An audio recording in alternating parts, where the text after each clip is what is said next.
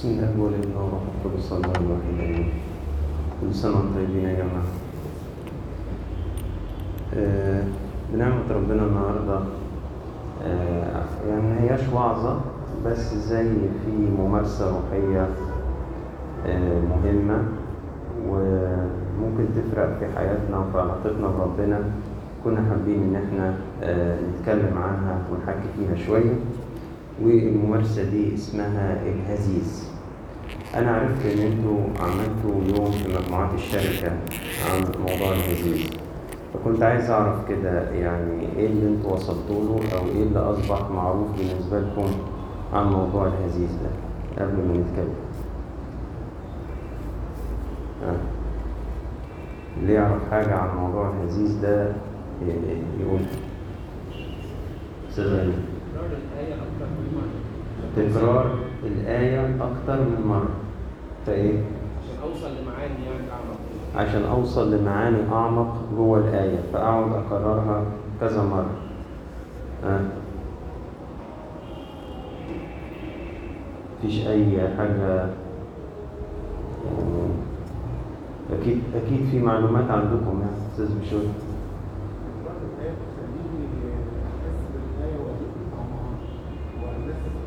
آه. تكرار الآية يخليني أذوق طعم الآية وأحس بطعمها وأتلذذ بيها. عارفين زي البونبوناية كده.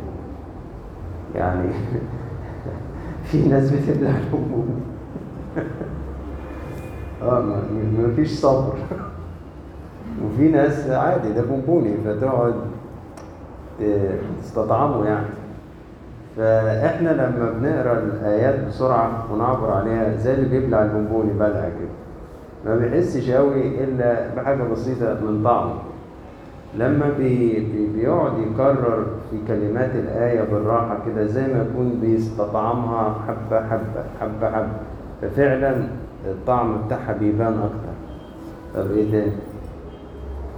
أستاذ هاني ربنا بيدي آه، اختبار شخصي لكل واحد من خلال ربنا بيدي اختبار شخصي لكل واحد من خلال ممارسته للطريقة دي.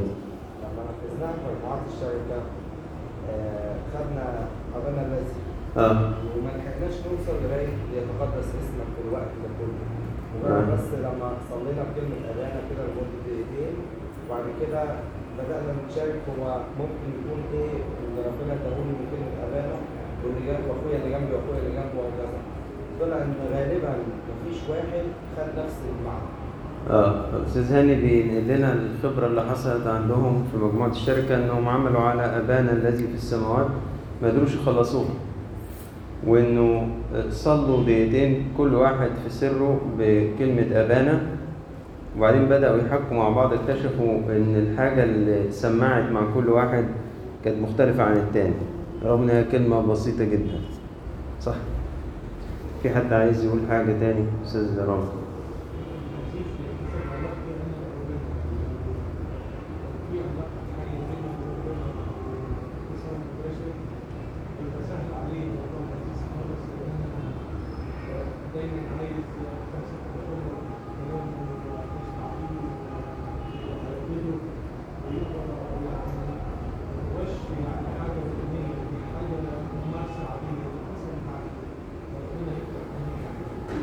الأستاذ رامز بيقول إن هو ثمرة لعلاقتنا بربنا.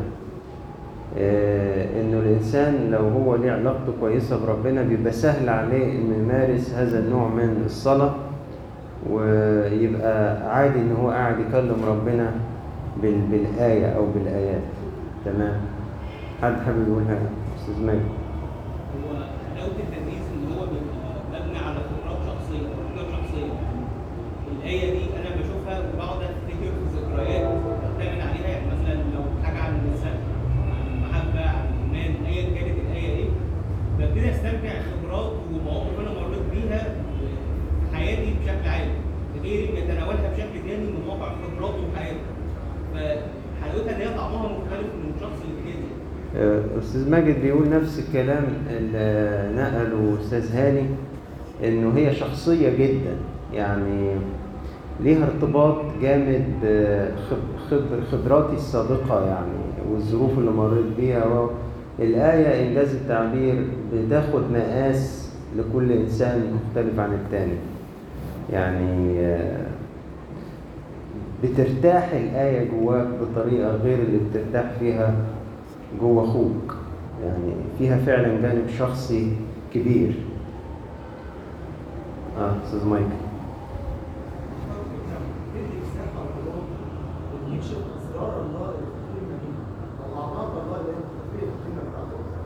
أستاذ مايكل بيضيف نقطة جديدة. إن ال- ال- الهزيز بيدي فرصة لروح الله يكشف أسرار الله. ودي حقيقة.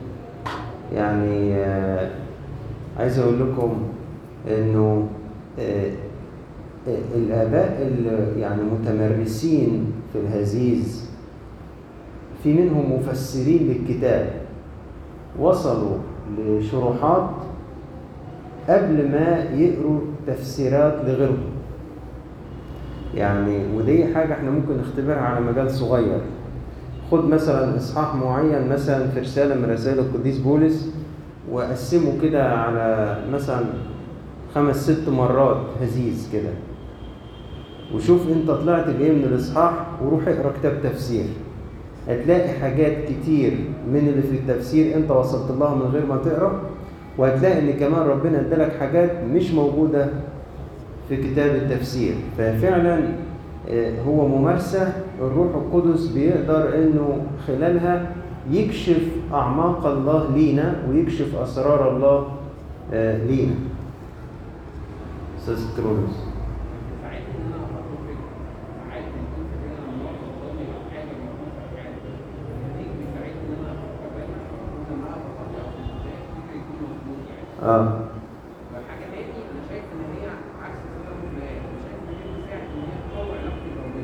ان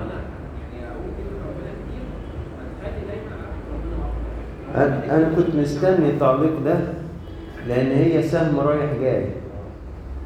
يعني هي فعلا آه، لو لو اتمارست بناس شبعانة بالكلمة تعرف تعملها بسهولة. وفي نفس الوقت لما تعملها تترد عليها بنمو روح هي من أحسن الوسائل اللي ممكن يستخدمها حد ينمو بها روحيا. أنا عايز أشارككم بحاجة أنا قلتها كتير يعني آه، فممكن تكونوا سمعتوها قبل كده. آه، لما أنا بدأت أتعلم الصلاة الارتجالي جديد كنت في أول سنة في كلية صيدلة وكان في الأسر الجامعية. فكان في أسر الصيدلة كان فيها خدام أتقياء جدا. كانوا سنة تالتة وسنة رابعة. وأنا كنت لسه داخل الكلية جديد. وكان اجتماع الأسرة في بيت الأب بخمس وكان الاجتماع آه، يعني رحنا أول مرة إحنا مش عارفين إيه هو. لقينا الخدام الكبار دول قاعدين وأول ما يعني حسوا إن العدد كويس راحوا جابوا أجبية وزعوها علينا. وقالوا اتفضلوا نصلي فصلوا يعني صلاة نصف الليل بخدماتها الثلاثة وده كان يمكن أول مرة أصلي صلاة نصف الليل ساعتها وزهقت من طول الصلاة يعني. تقريبا صلوها في ساعة إلا ربع صلاة نصف الليل. وأنا يعني أول ما وصلوا ارحمنا يا الله ثم ارحمنا اتبسطت خالص كده. وقلت لصاحبي يعني فرجت يعني إن شاء الله هنمشي. فلقيت بعدها إن هم قالوا فرصة صلاة ارتجالي. ساعتها ما أعرفش إيه الصلاة الارتجالي بس كان من زمان أبونا شاعر متنيح مخليني أقرأ الكتاب المقدس كل يوم. ده اللي ساعدني اكتشف يعني إيه صلاة ارتجالي لقيتهم بدأوا يصلوا آه، يعني فلان يبتدي يصلي زي ما بنعمل كده وبعدين ترنيمة وفلان. بس فلان ده لما بياخد دوره ويصلي اكتشفت إنه بيصلي بكمية آيات من الكتاب المقدس رهيبة. أنا ما كنتش بعرف أعمل اللي بيعملوه بس أنا مميز إن دي آيات لأن أنا قاري الكتاب المقدس كويس. فعارف إن اللي بيحك... اللي بيصلي بيه فلان ده ده آيات ملحومة في بعضيها. لو واحد مش قاري الكتاب مش هيلقط إنها آيات من الكتاب. أنا لقطت كويس خالص إن كل واحد فيهم بيجي يصلي بيصلي مثلا آه، بيستخدم 20 25 آية في صلاته. ملحومين كده في بعض. بطريقة غريبة جدا. فقعدوا يصلوا ساعة إلا ربع تاني بالطريقة دي. فأنا كنت أول مرة آه، أشوف النموذج ده وبعد كده اكتشفت إن دي المدرسة بتاعت أبونا لؤى أو الشماس لؤى الصلوات الارتجالية اللي مليانة آيات كتاب مقدس. دي المدرسة بتاعته وفعلا الاجتماع ده كان ليه فضل كبير جدا في إنه يعمل نقلة في حياتنا الروحية رغم إن هو كان الاجتماع أوله وآخره كده على فكرة ما كانش فيه كلمة. الاجتماع بتاع الأسرة ما كانش فيه كلمة. وما كانش فيه أي نوع من أي حكم هم بيروحوا يتجمعوا. وكانوا ولاد بس كان البنات لوحديهم والولاد لوحديهم. كانوا يتجمعوا يصلوا صلاة نصف الليل ويصلوا بعدها صلاة ارتجالي ويسلموا على بعض ويمشوا. فاكتشفت إزاي إن الصلاة الارتجالي دي اللي شبعانة بآيات الكتاب المقدس تقدر تنقل الإنسان نقلة كبيرة في مستوى الروح.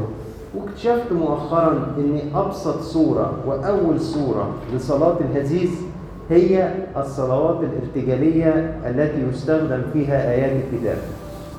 يعني الهزيز على فكرة ليه تعريفات كتير وليه صور كتير في الممارسة.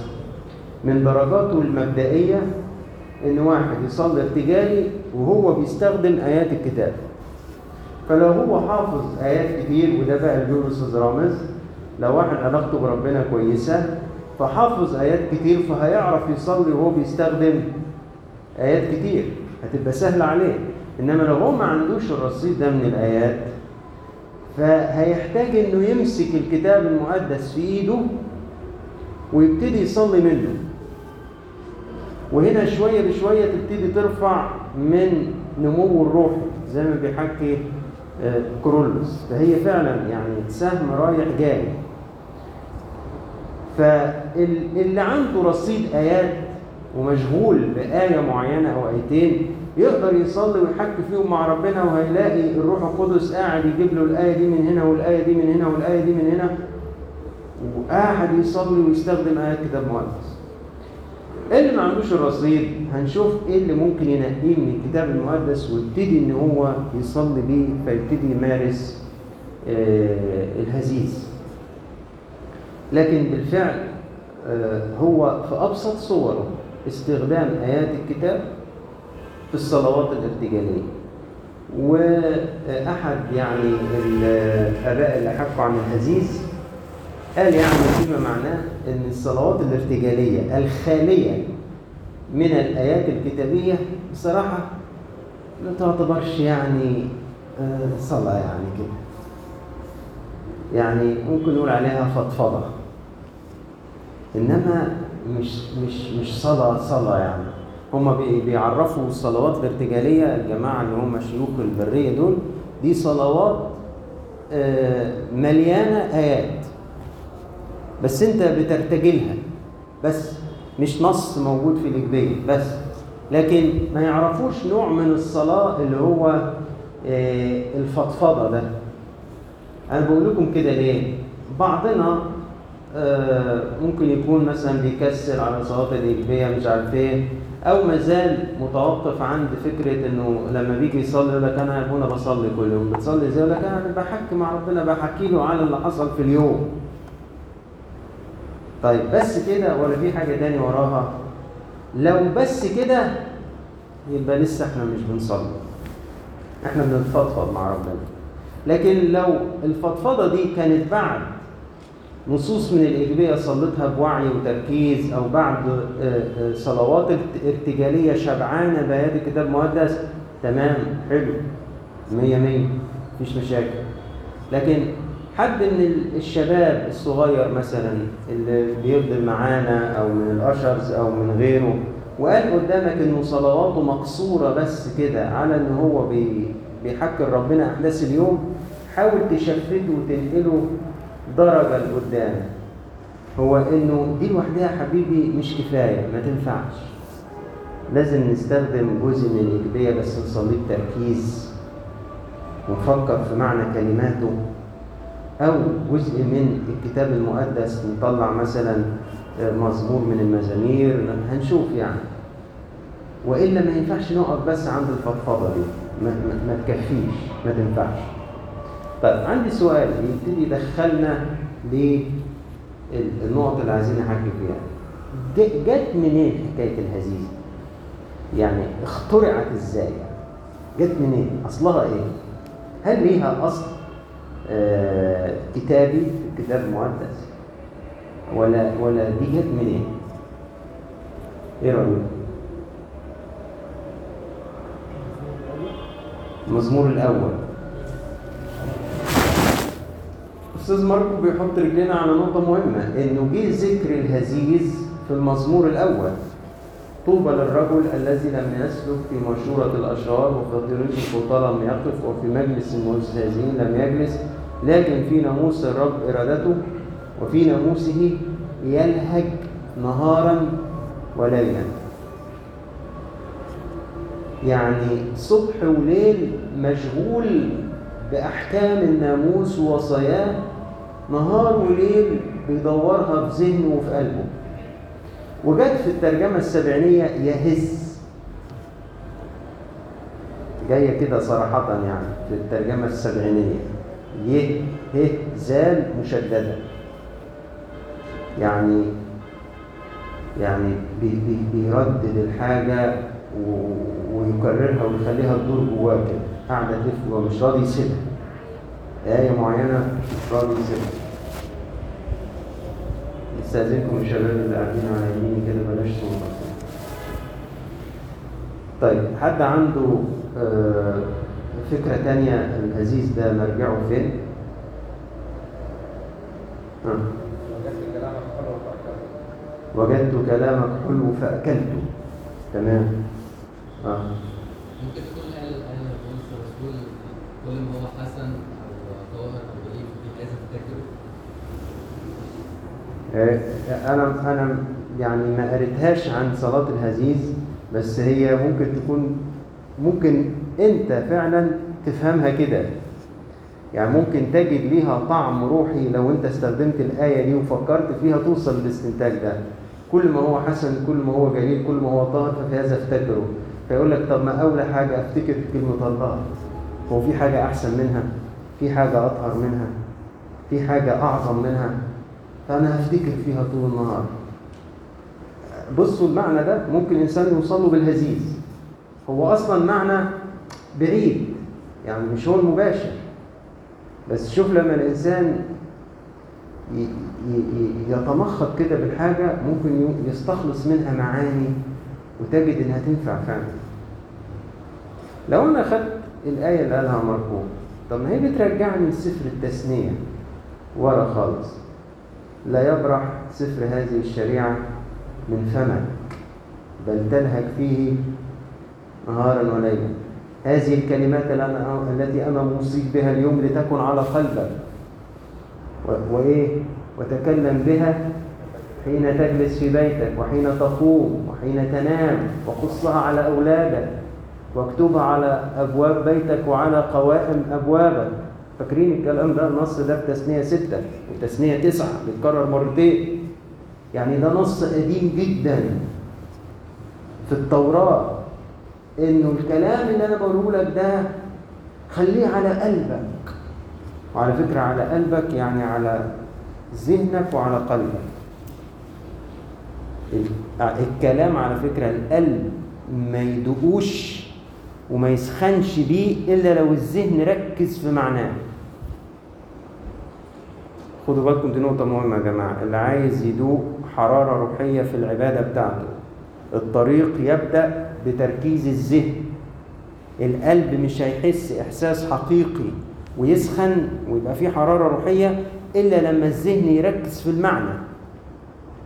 لو القلب حس بمشاعر قبل ما الذهن يفكر اعرف إنه في الأغلب هذا هذا نوع من العواطف الزائفة اللي جاية نتيجة موسيقى مؤثرة مثلا في ترنيمة. أو خلفية شغالة أثناء اجتماع الصلاة كده مؤثرة العازف بيعزف كده وبتاع. لو لقيت قلبك متأثر وهو مش في ذهنه معنى ده sorry false false emotions يعني مشاعر كاذبة. ال- التأثر الحقيقي والقلب الحرارة الروحية اللي تبقى متولدة فيه حقيقي تيجي بعد شوية من انشغال الذهن بالمعاني المقدسة اللي في كلمات الصلاة. و- وده لازم نعمله حتى في الإجبية يعني وانت بتصلي الإجبية بلاش تلخم نفسك بكمية كبيرة. خد أجزاء صغيرة وصليها ببطء شوية وحاول إن ذهنك يفكر في معنى الكلمات وهو بيقولها. وكل ما ذهنك نجح في كده هتلاقي مثلا بعد عشر دقايق من هذا التركيز هتلاقي في حرارة روحية بدأت تتولد في القلب وبدأ الشخص يشعر بلذة الوجود في محضر الله. لكن قبل ما الذهن ينشغل وممكن الذهن يدخل الصلاة ويطلع من غير ما ينشغل وتلاقي الشخص يقول لك أنا بصلي يا أبونا بس مش حاسس بحاجة. يعني مش حاسس يا أبونا بصراحة بتعزية أو الحالة دي أبونا تفضل قد إيه؟ دي ممكن تفضل طول العمر. هي الحالة دي أساسا إحنا مش هنخرج منها إلا لو اتعلمنا إن مخنا يفكر في معنى الجمل اللي بيصليها ربنا.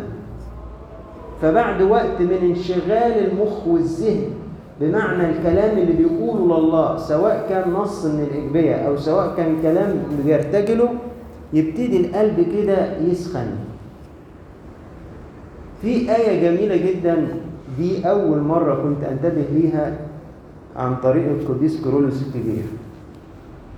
يحب الآية دي خالص ويستخدمها كتير في تفاسيره أنا ما كنتش أعرفها الصراحة ولقيت بعد كده كل ما أفتح موضوع عن الهزيز ألاقي الآية دي موجودة. بصوا كده بيقول إيه؟ مزمور 39 آية 3 حمي قلبي في جوفي. عند لهجي اشتعلت النار. حمي قلبي في جوفي عند لهجي اشتعلت النار. النار الروحية بقى. يعني المرتب في المزمور أو اللي هو داود النبي هنا يعني بيقول أنا إيه؟ قلبي سخن كده في أعماقي. وأول ما ابتديت ألهج بالكلمة إيه اللي حصل؟ في نار اشتعلت نار. القديس كورولوس قالتها له وهو بيحكي عن إيه حال المؤمنين المفروض يبقى قلبهم عامل إيه؟ كان بيحكي عن خروف الفصح فبيقول لك إن هو مشوي لازم يتاكل مشوي. بيقول إشارة إلى بأي حرارة روحية يجب أن تكون العبادة. بأي حرارة روحية يجب أن تكون العبادة اللي بنقدمها لله. وراح قال الآية دي قال زي ما بيقول المرتل في المزمور كده حمي قلبي في جوفي وعند لهجي اشتعلت النار. في نار اتقادت جوه جت منين دي؟ جت من الهزيز. وفي الترجمة السبعينية جاية باللفظ كده وفي هزيزي اتقدت في النار. يعني أول ما ابتدى يهذ بالكلمة في نار كده روحية اتقدت في جوفه. الكلمة دي بالعبرية جاية هجا. تتنطق كده هجا في العبري. وفي اليوناني مترجمة في السبعينية ميليتي سي وجاية كتير بقى في العهد الجديد بهذا المنطوق يعني الميليتي سي دي ف فهو ليه مرجعية في الكتاب المقدس. و... و... وصلاة يسوع على فكرة صورة مبسطة من الهزيز لأن أنت واخد كلمات هي مقاطع من آيات ومتركبة على بعضها في جملة قصيرة والإنسان بيبتدي إيه؟ يقولها. وعشان كده أنا يمكن شاركت مينا قلت له صلاة يسوع ما تتصلاش بسرعة أبدا. ما تتصلاش بسرعة. دي تتصلى هادية كده عشان أنا محتاج أستخلص المعنى اللي ورا كل كلمة في الصلاة يعني لما أقول يا ربي أسكت وأبتدي أفكر يعني إيه بقول له يا ربي الرب ده السيد هل هو سيد على حياتي؟ هل أنا كده بعترف إن هو له السيادة على حياتي؟ هل كده أنا بقول إن يسوع هو سيد حياتي؟ هل أنا أقصد هذا؟ هل أنا فاهم إنه أنا بقول حاجة المفروض أكون عايشها؟ بقول له يا ربي. بعدين أقول يسوع وأبتدي أقول يسوع. يسوع ده معناها يخلص شعبه من خطاياه. ده الاسم المخلص يسوع ده. هو يسوع ده هو السيد على حياتي. المسيح. مسيح يعني أنا بؤمن إن هو الملك الممسوح من الآب. وأقول يا رب يسوع المسيح أنت السيد والملك والمخلص على حياتي. ابن الله أنا أؤمن أنك واحد مع الآب في الجوهر. أنا أؤمن أنك لك نفس الجوهر الواحد مع أبيك. أشكرك لأنه من خلال بنوتك لله صرت أنا أيضا ابن لله. أشكرك لأنه صار لي أن أقول أن الله أبانا.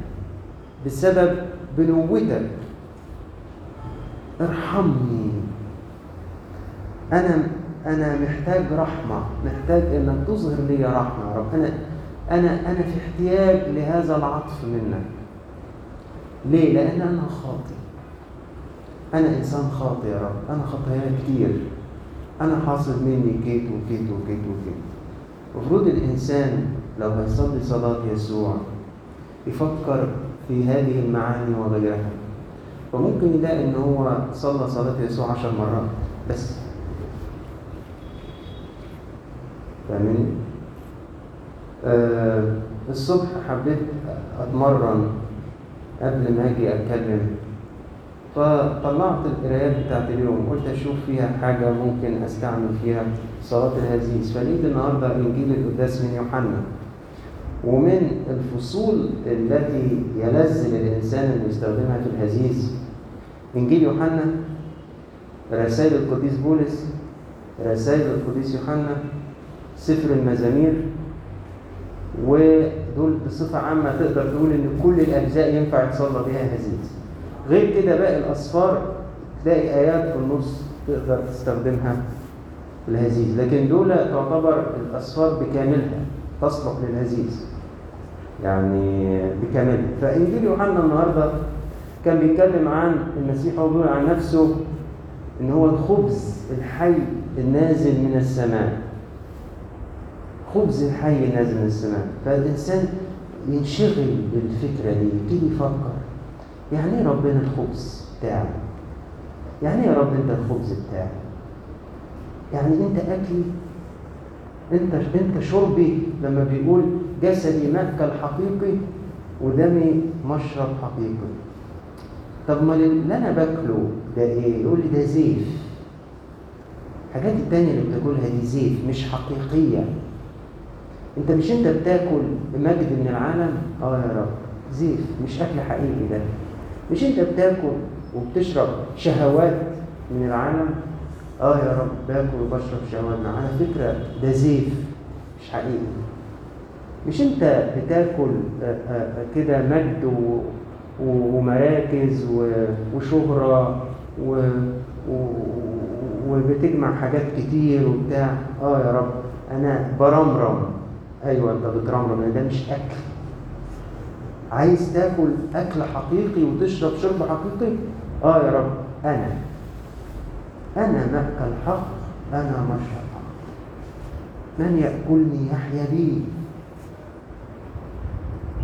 خاصة لو الإنسان برضو عنده مثلا قدرة إن هو يبص كده على معنى كلمة ولا ولا حرف جر ولا بتاع.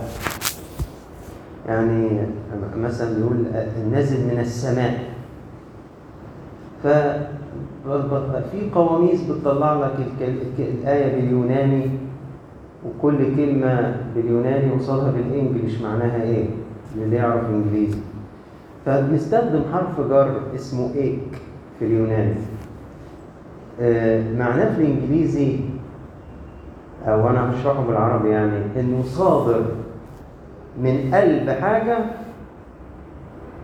مش من ناحيتها من قلبها. ليستقر في الحاجة المتجه إليها. حرف جر مش هتلاقي زيه عندنا في العربي ولا في الإنجليزي.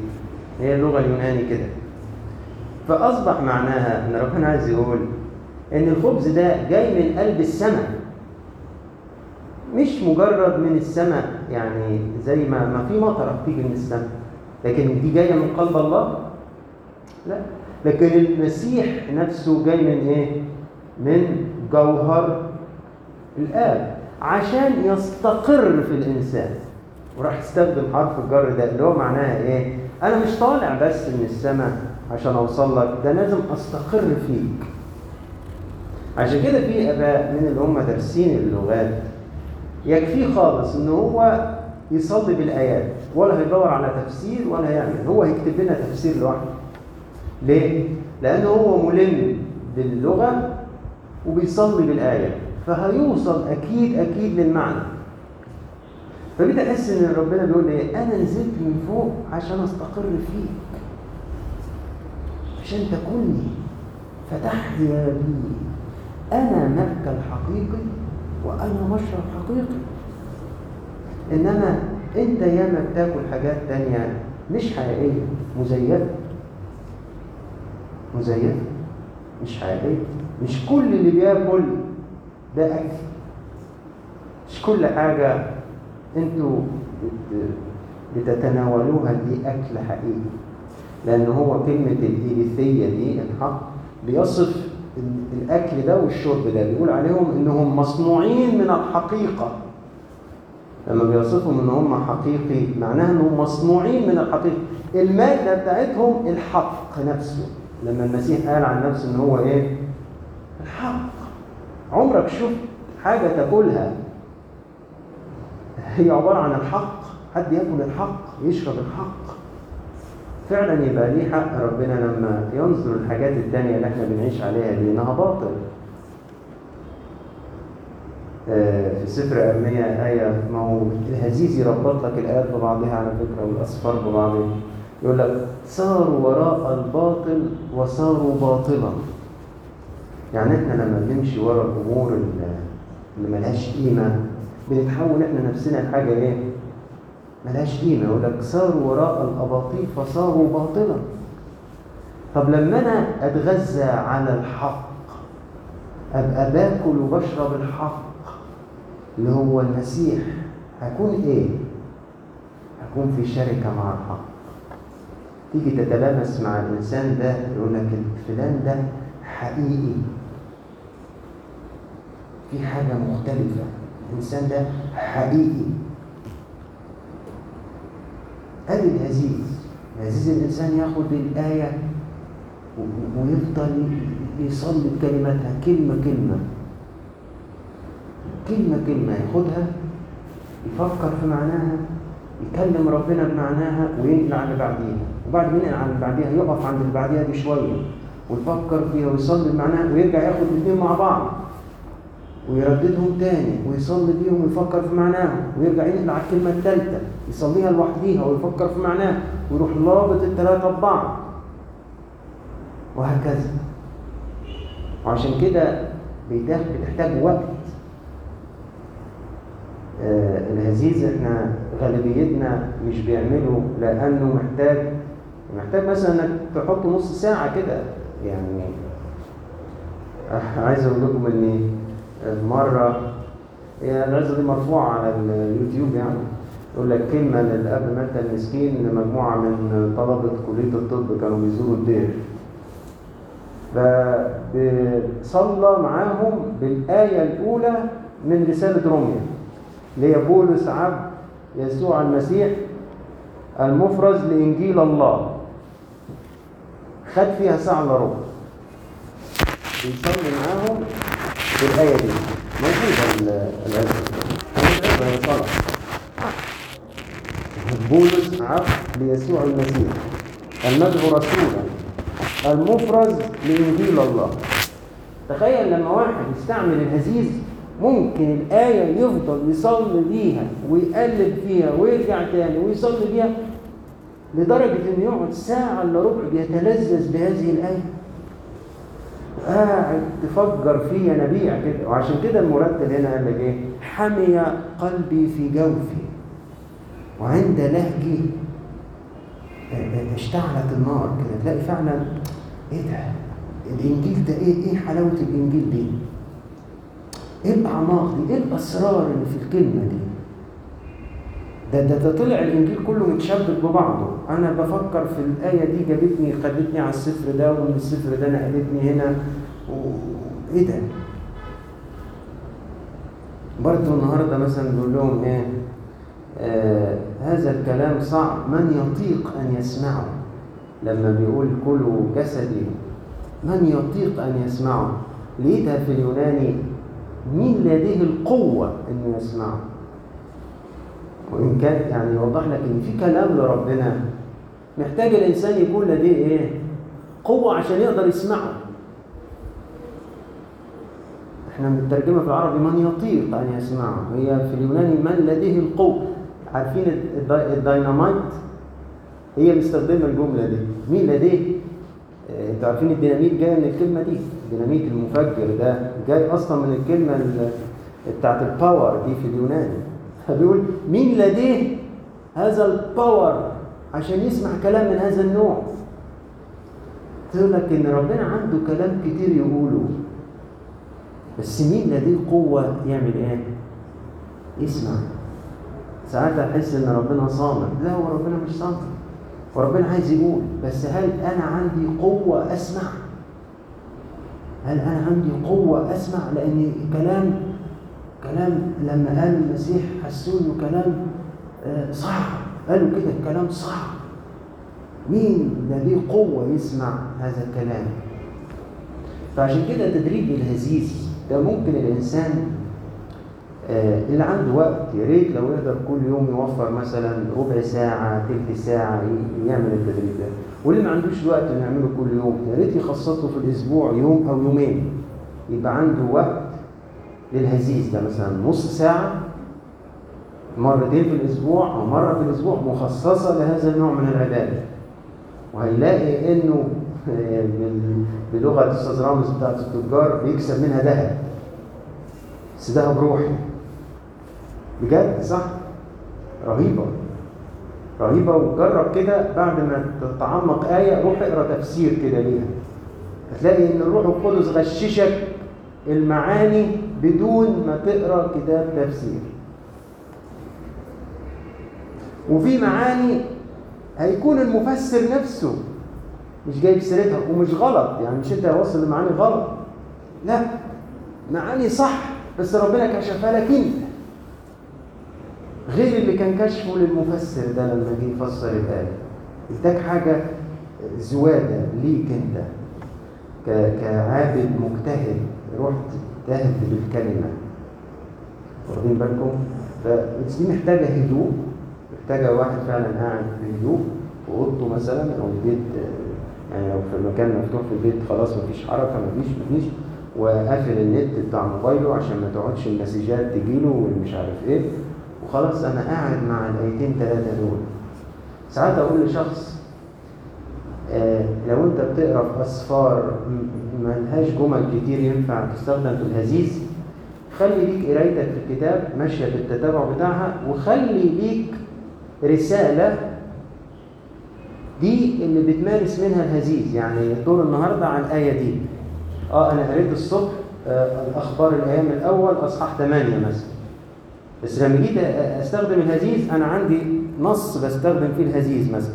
رسالة فيليبي ماشي فيها مثلا من أولها آية آية. تخلص ما تخلص إن شاء الله تاخد سنة. أنا ما عنديش ما عنديش امتحان بعلم فيه.